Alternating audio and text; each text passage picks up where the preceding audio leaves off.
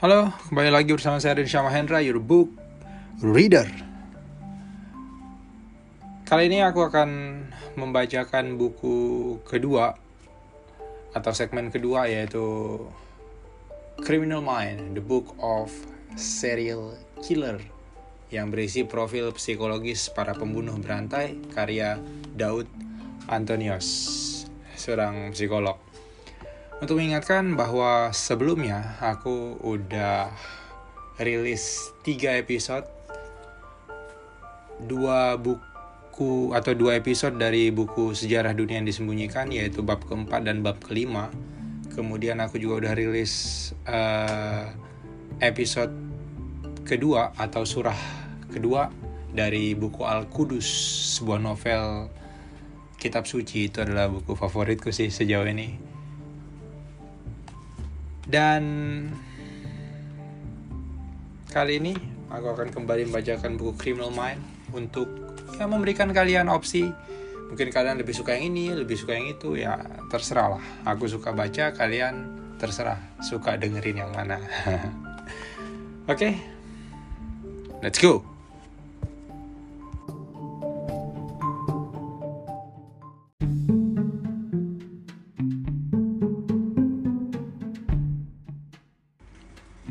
Criminal Mind, The Book of Serial Killers karya Daud Antonius berisi profil psikologis para pembunuh berantai. Episode ke-10 Wu Bum Kun, polisi yang melakukan pembunuhan massal. Profil Wu Bum Kun Nama lengkap Wu Bum Kun, lahir 24 Februari 1955, meninggal 27 April 1982 pada usia 27 tahun. Bunuh diri dengan meledakkan diri bersama dengan korbannya. Tuduhan pembunuhan massal, jumlah korban 57 orang korban meninggal termasuk dirinya sendiri, 35 orang terluka. Profil korban, pria, wanita, dewasa, remaja, dan anak-anak. Lokasi pembunuhan, Gyeongsang, Selatan, Korea Selatan. Before you embark on a journey of revenge, dig to grave. Confucius. Have no idea. Artinya apa ya? Rasa tersinggung dan amarah itulah yang memicu terbunuhnya 57 orang dan terlukanya 35 orang lainnya, hanya dalam kurun waktu 8 jam. Pelaku tidak pernah benar-benar dihukum karena ia meledakkan dirinya di saat terakhir bersama dengan korban terakhirnya. Kasus ini menjadi salah satu pembunuhan massal yang paling mematikan yang diingat dan tercatat dalam sejarah modern. Wubum Kun dan rasa penolakan. Tidak banyak yang mencatat mengenai latar belakang dan juga masa kecilnya. Ia, me ia memiliki panggilan power dan dari beberapa keterangan orang terdekatnya, ia memiliki kebiasaan buruk dengan minuman keras dan memiliki kecenderungan agresif ketika sedang mabuk. Ubum Kun memiliki latar belakang militer. Ia adalah seorang marinir yang bertugas sampai tahun 1978. Setelah mengakhiri tugas dinasnya, ia kemudian disewa untuk menjadi polisi di daerah Pusan, Korea Selatan dan kemudian dipindahkan di daerah pedesaan Kungyu. Ia tinggal bersama dengan kekasihnya yang bernama Chun Mal Sun yang belum ia nikahi. Masyarakat Korea yang saat itu masih sangat konservatif menganggap hal tersebut sangatlah tabu dan tidak layak untuk dilakukan. Orang Korea konservatif ya. Tapi konservatifnya pasti tidak berlandaskan agama Islam sih. Pastinya. Maksudnya mungkin mereka konservatif karena memang budayanya. But I don't know. Nanti kita bisa cari lebih lanjut. Mereka secara terang-terangan membenci dan juga membicarakan Wubum Kun. Berawal dari hal sepele. Pada sore hari tanggal 26 April 1982, Wu bangun dari tidur siangnya. Ia bangun dengan perasaan kesal karena kekasihnya Chun Mal Sun menepuk lalat yang ada di dadanya dengan keras. Kayaknya sengaja deh ada lala di dada orang lagi tidur dipukul keras lagi. Maksudnya dibiarin aja tuh ditiup gitu kan. Sengaja nih si Jun Malsun. Ada maunya nih kayaknya. Emang suruh bangun. Oke lanjut. Akhirnya mereka pun bertengkar Karena hal tersebut, akhirnya Wu berangkat ke kantor polisi untuk bertugas pada jam 4 sore. Menurut beberapa laporan, ia mulai minum alkohol dan menjadi mabuk, dan hal tersebut ikut memicu kemarahannya menjadi lebih kuat. Pada jam 19.30, ia kembali ke rumahnya. Ia memukul dan menendang kekasihnya hingga terluka di wajah dan sekitar tubuh. Ia juga menghancurkan beberapa perabotan rumah, lalu kemudian meninggalkan rumah menuju gudang senjata di kantor polisi tempatnya bekerja. Ketika para petugas sedang tidak mengawasi, ia mengumpulkan senjata berupa dua buah senapan, 180 amunisi, dan 7 granat tangan yang ia gunakan dalam melakukan aksi pembunuhan massal. Dalam beberapa keterangan juga disebutkan bahwa petugas jaga sedang rapat, namun keterangan lainnya ada yang menyatakan bahwa Wu mengancam dan mengintimidasi polisi lain untuk mendapatkan akses ke gedung senjata. Tidak ada kejelasan tentang bagaimana sebenarnya ia mendapatkan senjata tersebut. Pada jam 21.30, ia menuju kantor polisi setempat dan membunuh tiga orang di sana. Beberapa di antaranya adalah operator telepon, ia membunuh mereka agar tidak ada yang melaporkan kejadian tersebut melalui telepon darurat. Selanjutnya, ia mulai berjalan dan menembaki para pejalan kaki yang berada di pasar desa Torongni dan menewaskan enam orang dan banyak juga yang terluka. Bahkan, kekasihnya Chun Mal Sun yang saat itu juga mengejarnya terluka di bagian kaki akibat tertembak. Pembantaian dari desa ke desa. Wubum Kun masih menggunakan baju dinas kepolisian ketika melakukan aksi pembantaian. Ia bahkan memanfaatkan profesinya tersebut untuk masuk ke dalam ruang uh, rumah warga tanpa dicurigai sebelum akhirnya membunuh mereka satu persatu. Sorry noise-nya. I can avoid that. Wu membunuh 18 orang di desa Ungye dan 24 lainnya di desa Pyeongchon. Pada suatu ketika, ia juga menyandra bocah berusia 16 tahun bernama Kim Judong. Ia menyuruh bocah itu membeli minuman dari sebuah toko kelontong dan setelah mendapatkan keinginannya ia membunuh Kim Judong dan membantai keluarga pemilik toko tersebut. Walaupun pada akhirnya pemilik toko berhasil melarikan diri dengan luka tembakan di kaki, sedangkan istri dan anaknya tewas saat itu. Di desa Pyongchon, ia juga berhasil masuk ke dalam rumah seorang warga dengan berpura-pura memberikan peringatan atas kedatangan agen dari Korea Utara. Ketika pemilik rumah menerimanya dengan baik, ia membantai mereka beserta empat keluarga lain yang ada di sekitarnya yang berkumpul untuk berlindung bersama penangkapan dan kematiannya. Meskipun polisi setempat sudah bersiaga semenjak tembakan pertama, butuh waktu cukup lama untuk mencari dan menangkap Wu.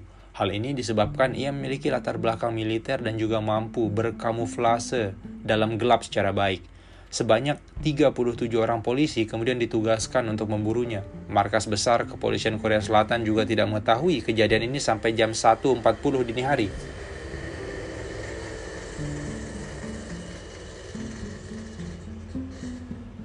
This is a big sun pause.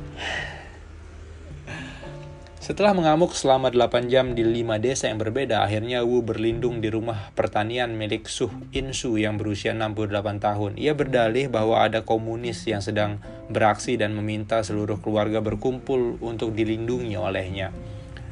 Setelah dua jam pengejaran, akhirnya polisi pun tiba di rumah pertanian itu. Bu menyandra tiga orang yang ada dalam rumah tersebut, dan ketika terpojok oleh pengepungan dan mereka tidak berdaya, ia mengambil dua granat tangan dan meledakkan diri bersama dengan para korban yang ada di rumah tersebut. Su sang pemilik rumah berhasil selamat dengan luka yang parah. Wu dan para korbannya tewas dalam ledakan tersebut.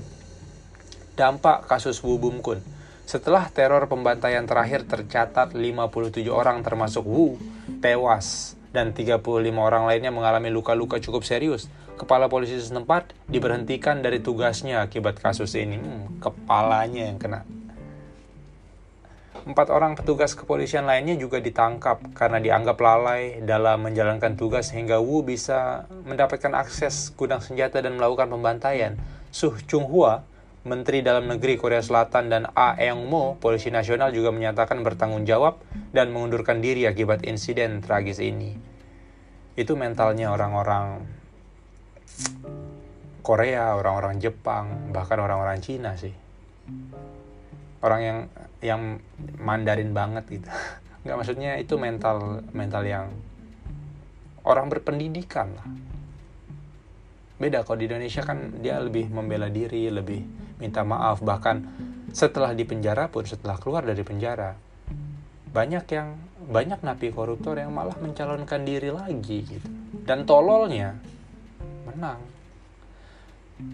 Oke lanjut sebuah tim khusus dari pemerintahan pun akhirnya dibentuk untuk menyelidiki latar belakang kasusnya. 19 anggota parlemen akhirnya sepakat untuk meminta pemerintah memberikan kompensasi kepada para korban, mengingat pelakunya adalah seorang anggota kepolisian yang menggunakan perannya untuk menipu, mendapatkan akses bebas ke rumah warga dan membunuh dengan keji. Pemberitaan kasus pembantaian ini menjadi berita utama di berbagai berita. Banyak yang penasaran sekaligus takut kasus tersebut juga akan terulang lagi. Bahkan di minggu yang sama, insiden tersebut sebenarnya sedang ada perayaan diplomatik antara Korea Selatan dan Amerika Serikat menyambut hubungan antara negara tersebut yang sudah 100 hari. Tapi masyarakat tidak tertarik pada pemberitaan politis dan lebih fokus pada kasus Wu Bum. Analisa psikologis Wu Bum Kun berdasarkan keterangan dari Chun Mal Sun, satu-satunya orang terdekat dan yang biasa berinteraksi dengan Wu Bum Kun, kepribadiannya memang agak berbeda dengan orang lain, serta ada beberapa tanda inferiority complex atau rendah diri yang muncul dan diduga dimiliki oleh Wu Bum Kun. Adapun beberapa gejala dari inferiority complex adalah sebagai berikut. Perilaku mencari perhatian, yang dilakukan dengan berbagai cara. Biasanya mereka dengan perasaan inferior secara terus-menerus berusaha mendapatkan perhatian orang lain agar dapat diterima dalam lingkungan sosialnya. Dominasi, yaitu jika seseorang berbuat seolah-olah berkuat atas asas apaan tuh? Dominasi, yaitu jika seseorang berbuat seolah-olah berkuasa atas sesuatu yang sebenarnya dampak dari perasaan minder yang dimilikinya eksklusif, yaitu perilaku tidak terlibat dalam aktivitas sosial dan lebih suka menyendiri akibat banyak kekurangan atau perasaan takut ditolak.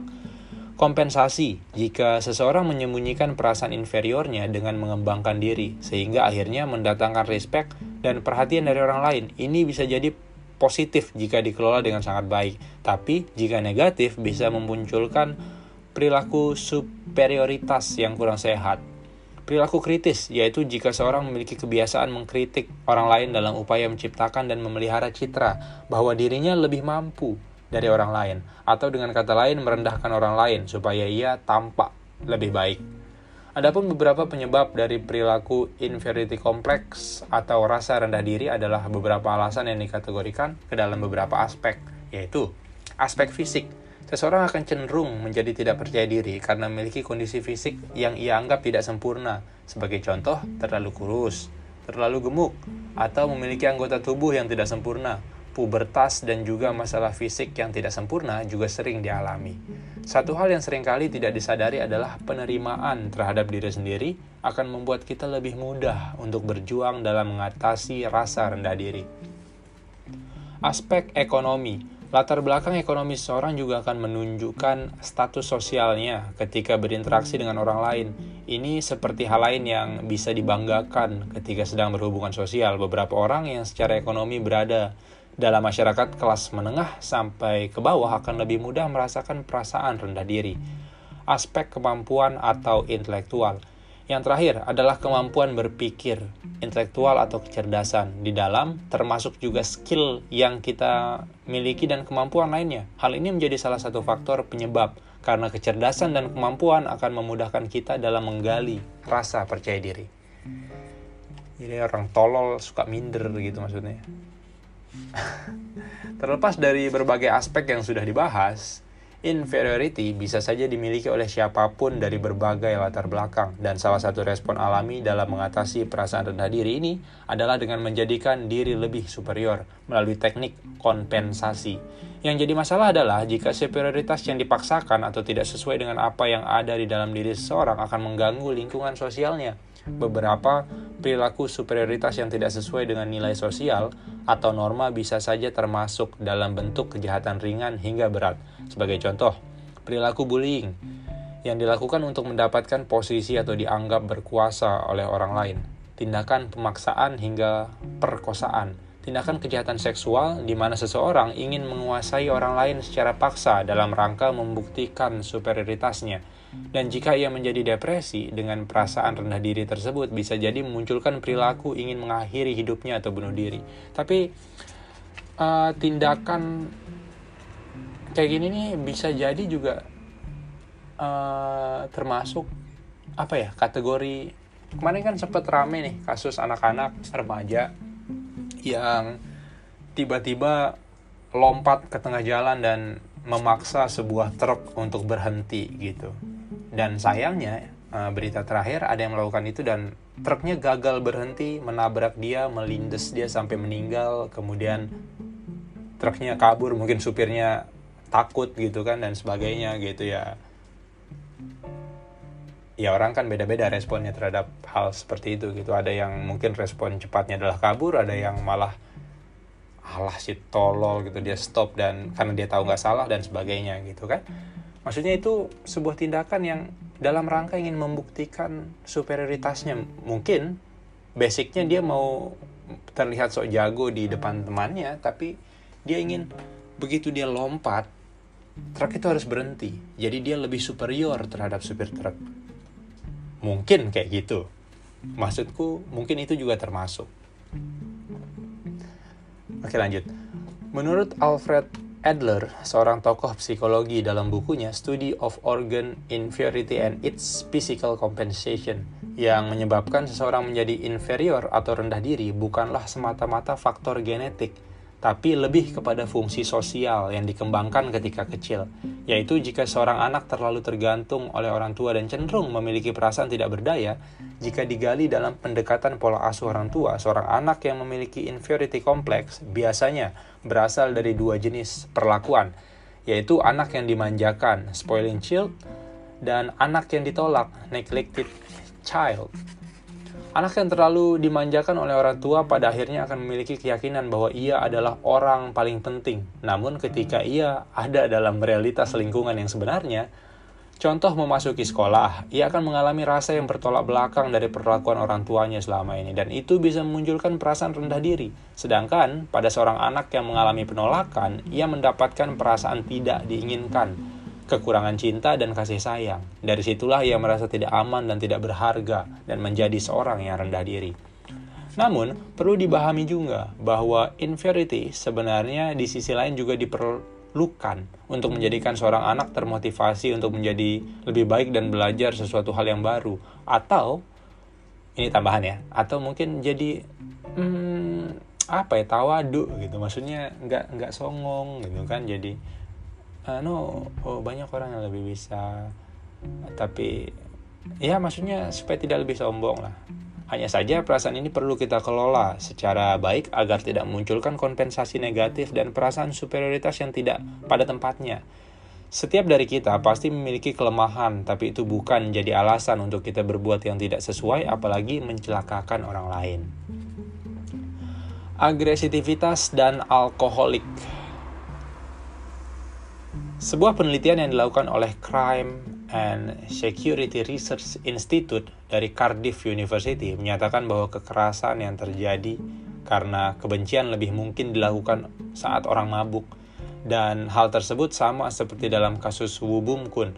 Alkohol dan kondisi mabuk memang tidak serta-merta membuat seseorang menjadi benar-benar berbeda, seperti dalam satu kali peristiwa membuat seorang biasa menjadi pembunuh massal. Namun, alkohol dan kondisi mabuk bertindak sebagai trigger atau sebuah pemicu yang membuat seseorang bisa berprasangka buruk kepada orang lain. Agresivitas tersebut bisa saja memang sudah menjadi kepribadian bawaan atau pola perilaku dari diri seorang yang selama ini ditahan atau ditekan terus-menerus, lalu kemudian terpicu oleh prasangka buruk akibat alkohol. Memang banyak dari perilaku kriminal yang berasal atau yang beralasan bahwa ia melakukan sebuah tindakan yang buruk akibat dampak dari minuman keras dan berada dalam kondisi mabuk. Padahal, faktanya tidak sesederhana itu. Penelitian yang dilakukan University of Missouri tentang perilaku dan dampak minuman keras menyatakan bahwa tidak terlalu terdapat perbedaan antara orang yang mabuk dan tidak mabuk dalam hal berperilaku secara umum. Penelitian ini menyatakan bahwa kelompok peminum alkohol dan menjadi mabuk secara keseluruhan memang menjadi orang yang mudah bersosialisasi dan cenderung ekstrovert jika dibandingkan dengan kelompok yang tidak mabuk. Namun, hanya di situ perbedaannya. Mereka yang mabuk tidak lantas menjadi lebih agresif, berani, nekat, bicara sembarangan, atau melakukan hal-hal bodoh lainnya. Mereka masih memiliki analisa logis, meskipun sudah tidak setajam biasanya. Motif dalam kasus pembunuhan massal Pembunuhan yang dilakukan oleh Wu Bum bisa dikategorikan sebagai pembantaian atau pembunuhan massal. Hal tersebut merujuk kepada Komisi Internasional Hak Asasi Manusia yang menyatakan bahwa pembantaian adalah eksekusi terhadap lima orang atau lebih pada suatu lokasi tertentu dan korban-korban tersebut berada dalam kondisi tidak mampu mempertahankan dirinya. Wu Bum yang memang ber latar belakang militer sepertinya menganggap bahwa desa-desa dan para penduduk yang membencinya sedang ingin berperang dengannya. Ia seperti membunuh tanpa tujuan ataupun profil korban yang spesifik. Ia lebih membunuh secara acak orang yang ia temui begitu saja. Beberapa saksi yang kemudian selamat dan bersembunyi di sekitar sawah juga menyatakan bahwa Wu tampak seperti orang mabuk dan kelihatan gila. Ia membunuh secara membabi buta tanpa mempedulikan siapa para korbannya. Bahkan orang yang sepertinya tidak mengenalnya dan sebelumnya tidak tahu kisahnya juga turut menjadi korban. Jika kita telusuri berdasarkan profil sosiologis para pelaku pembantaian atau pembunuhan massal biasanya mengincar suatu kelompok yang spesifik, misalnya ras atau suku tertentu, kelompok komunitas agama tertentu. Ada juga beberapa kasus yang mengincar orientasi seksual, homoseksual atau disabilitas, seperti pembantaian yang dilakukan pada masa Perang Dunia Kedua. Namun, hal tersebut dalam lingkup yang sangat luas. Pembantaian yang dilakukan oleh Wu Bum Kun lebih bisa dikategorikan sebagai luapan emosi kebencian terhadap orang-orang yang mengusik hidupnya. Ketika ia tidak mengatasi kebencian orang di desanya dengan cara yang lebih baik, maka ia menggunakan caranya sendiri sebagai mantan tentara dan polisi aktif, lalu menganggap semua orang di desanya sebagai musuh yang perlu dilenyapkan. Tidak ada yang pernah tahu profil psikologis lengkap mengenai Wu Bum Kun karena catatan sejarah dan publikasi yang sangat minim. Seorang produser film asal Korea Selatan juga berencana mengadaptasi kisah ini ke dalam film aksi kriminal, tapi hingga saat ini belum terwujud dikarenakan riset yang dilakukan cukup panjang. Baik, cukup untuk episode ke-10 ini dan ternyata uh, episode Wubum Kun ini adalah episode terakhir dari kisah para pembunuh berantai yang dulu sekali kita awali dengan Ted Bundy, seorang pembunuh kejam namun mempesona, kemudian ada John Wayne Gacy, badut pembunuh yang sepertinya mengilhami uh, tokoh Joker.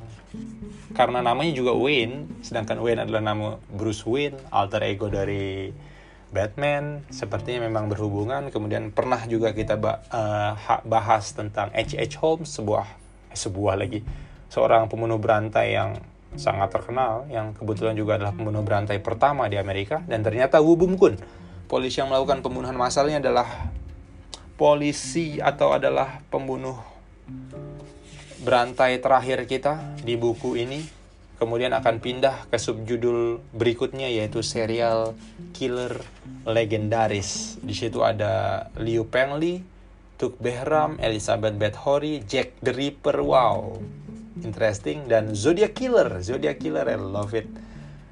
Karena Zodiac Killer pernah difilmkan dan salah satu aktornya ada Robert Downey Jr., my favorite actor. Dan setelah itu ada juga bab di mana yang dibahas adalah pembunuh berantai di Indonesia. Ada dua, empat, ada enam orang. So, see you guys. Thank you. Dah. Have a nice day.